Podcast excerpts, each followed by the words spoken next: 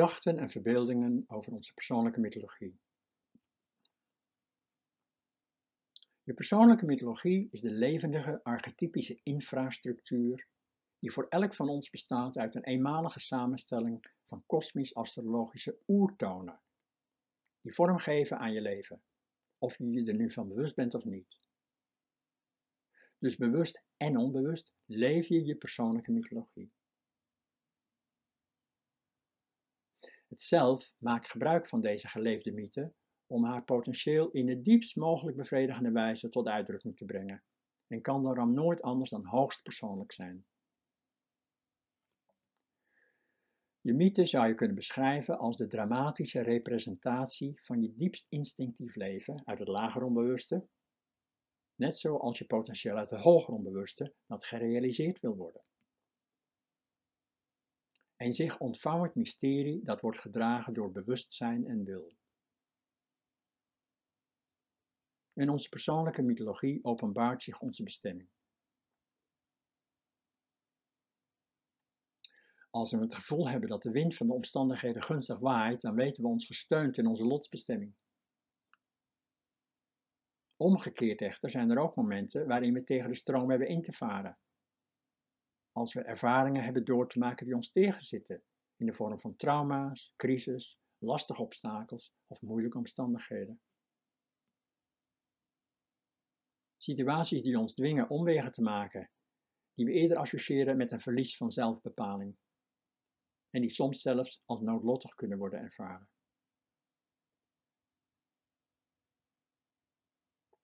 Plato zei al dat elke ziel voor zijn geboorte een uniek beeld meekrijgt waarna geleefd wil worden, een soort plotstructuur.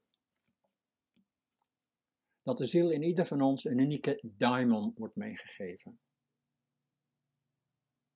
Deze heeft een paradigma uitgezocht, het beeld of patroon of horoscoopconfiguratie de hele gestalt die we op aarde leven.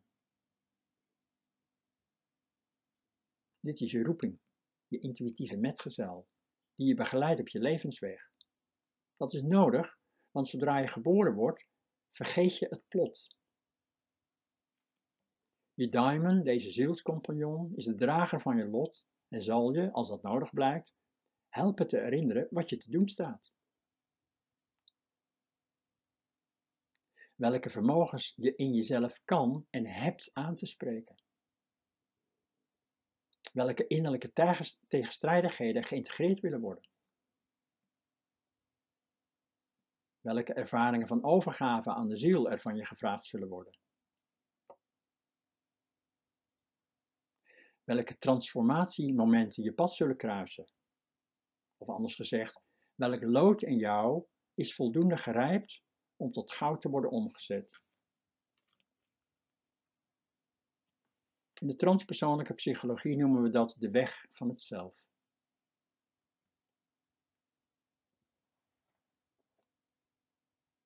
In de kern van de persoonlijke mythe zijn centrale thema's die er als een soort rode draad doorheen lopen. Je organiseert nieuwe ervaringen rondom zulke thema's. Deze thema's fungeren als een schabloon, een matrijs, de landkaart waarop de reis wil worden meegemaakt. Een skelet als blauwdruk dat wordt, wil worden belichaamd. Maar het is ook toegerust met een bijbehorende bagage vol rijkdom aan beelden, complexe oerwijsheid en inzicht, gepassioneerde gevoelens, krachtige motivaties, die zich als levenslust hecht aan deze belofte van je bestemming en zo de ervaring ervan helpt te vervullen. Persoonlijke mythes zijn verbeelding van onszelf in wording. Ze zijn de complexe resultaten van sfeer en zorg, allereerst vanuit het nest waarin je bent grootgebracht. Het meest nabije archetype van allen zouden we wel kunnen noemen de moeder. We komen allemaal uit onze moeder voort en ons lichaam keert aan het einde van onze levensreis terug in moeder aarde. Niettemin heeft deze ene moeder veel verschillende uitingsvormen en gestalten. We kennen de met aandacht aanwezige moeder, de warme en zorgzame moeder, de veel eisende moeder, de werkzame praktische moeder, de niet zo moederlijke moeder, de moeder die zelf bemoedering zoekt, de stiefmoeder, en ga zo maar door. Ieder kan zo diens eigen mengsel aan varianten van de persoonlijke moeder betrekkelijk snel oproepen. Bovendien, als je je aandacht eraan geeft, brengt het ook vaak onwillekeurige rempels in je gemoedsgesteldheid teweeg. In variërende samenstellingen van emoties, beelden, gevoelens, herinneringen. Symbolisch komen we haar nabij in allerlei individuele variaties via de maan. Net als het vaderarchetype in al zijn solaire verschijnselen. Hij kan ervaren zijn als steunend aanwezig voor jou, of je voorbeeld zijn van hoe je weg in de wereld te vinden. Als iemand die je voorhield toe autonoom verantwoordelijkheid voor jezelf te dragen. Maar mogelijk was hij ook een dominante of te strenge in zijn gezag aanwezige vader. Of misschien wel afwezig met zijn aandacht voor wie jij was. Elk van ons heeft ook hier unieke combinaties van ervaringen. Dit weer uitmondt in het kindarchetype. Het kind in ons is een onuitputtelijke bron van onze scheppingskracht. We kennen het blije speelse kind, maar ook het zich terughoudende kind. Het bezorgde, voor de ouders zorgende kind. Het verwaarloosde of onveilige kind. Dus dat is het weeskind. En ook dit weer in allerlei variaties.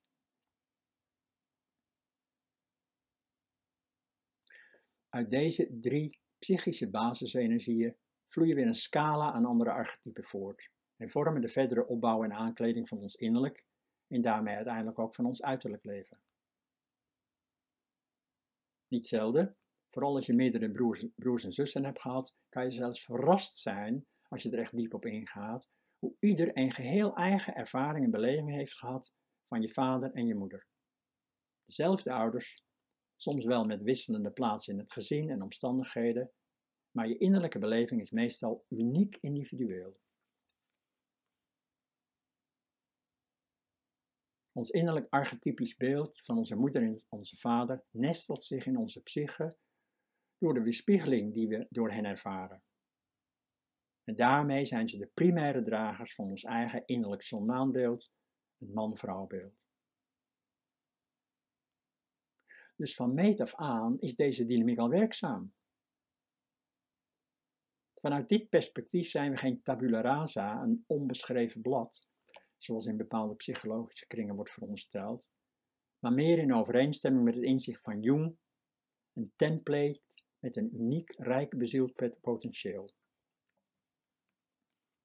En zoals Assagioli benadrukte, begiftigd met de wil tot zelfrealisatie. Dit alles speelt zich bovendien af in de context van de cultuur waarin je leeft. Net zoals de echo die nagalmen op het kind dat jouw ouders ooit waren in relatie tot hun ouders. Evenals de rolervaringen die je opneemt als deze voldoende passen bij je karakter en temperament. De unieke frequentie hiervan resoneert met het patroon van archetypen aan de, aan de hemel op het moment van je geboorte. Elk van ons heeft symbolisch de kwaliteiten van alle goden op de Olympus in zich, die zich manifesteren via de rijkdom van de dierenriem. Al deze archetypen in vormen van subpersonen kunnen niet anders dan een relatie met elkaar hebben. Sommigen ondersteunen elkaar optimaal, terwijl anderen elkaar onbewust behoorlijk in de weg kunnen zitten. De zon staat symbool voor het ik in je. Dit is je vermogen en de intentie om de rol van de regisseur van je leven bewust op je te nemen. Je eigen mythologie begrijpen doet je beter in je vel voelen zitten. Omdat je beseft dat je je eigen aard en bestemming kan, CQ mag volgen. En daardoor ook veel beter in kan zien en toe kan staan dat anderen een eigen mythologie leven. In het hart van de persoonlijke mythe ligt de diepere beweegredenen van je handelen, die je begeleidt in je ontwikkeling, je rol in de wereld laat ontdekken en je helpt de betekenis van je ervaringen meer verdiepend te begrijpen. De persoonlijke mythen die essentieel voor je zijn, neigen naartoe een kracht van self-fulfilling prophecy te hebben. In die zin dat je je naar de onderliggende thema's ervan voelt toegetrokken.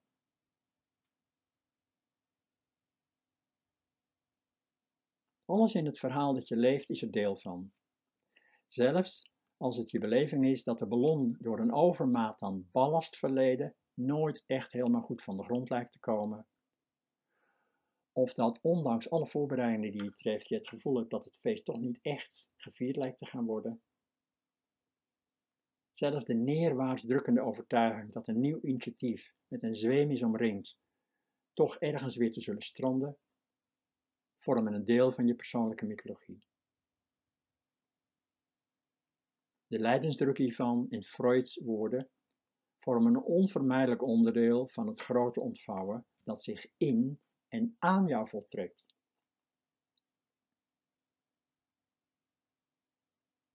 Als de mythe waardoor je je laat vergezellen niet wordt gevoed door liefde voor wie jij bent en jouw uniek zijn en potentieel, heb je eerst daaraan te lijden, net zolang tot het besef echt tot je doordringt wat het is dat er van binnen op je wacht. Wat er door jou heen geleefd wil worden. Net zoals Psyche in haar tocht door de onderwereld haar adolescente verlangens naar de ideale relatie met Eros heeft om te zetten in de liefdekracht van de volwassen vrouw. Zo moet Odysseus lange omzwervingen en betoveringen doorstaan voordat hij het aan kan Penelope in de ogen te, te zien als de volwassen man die zorg kan dragen voor de ziel in zichzelf.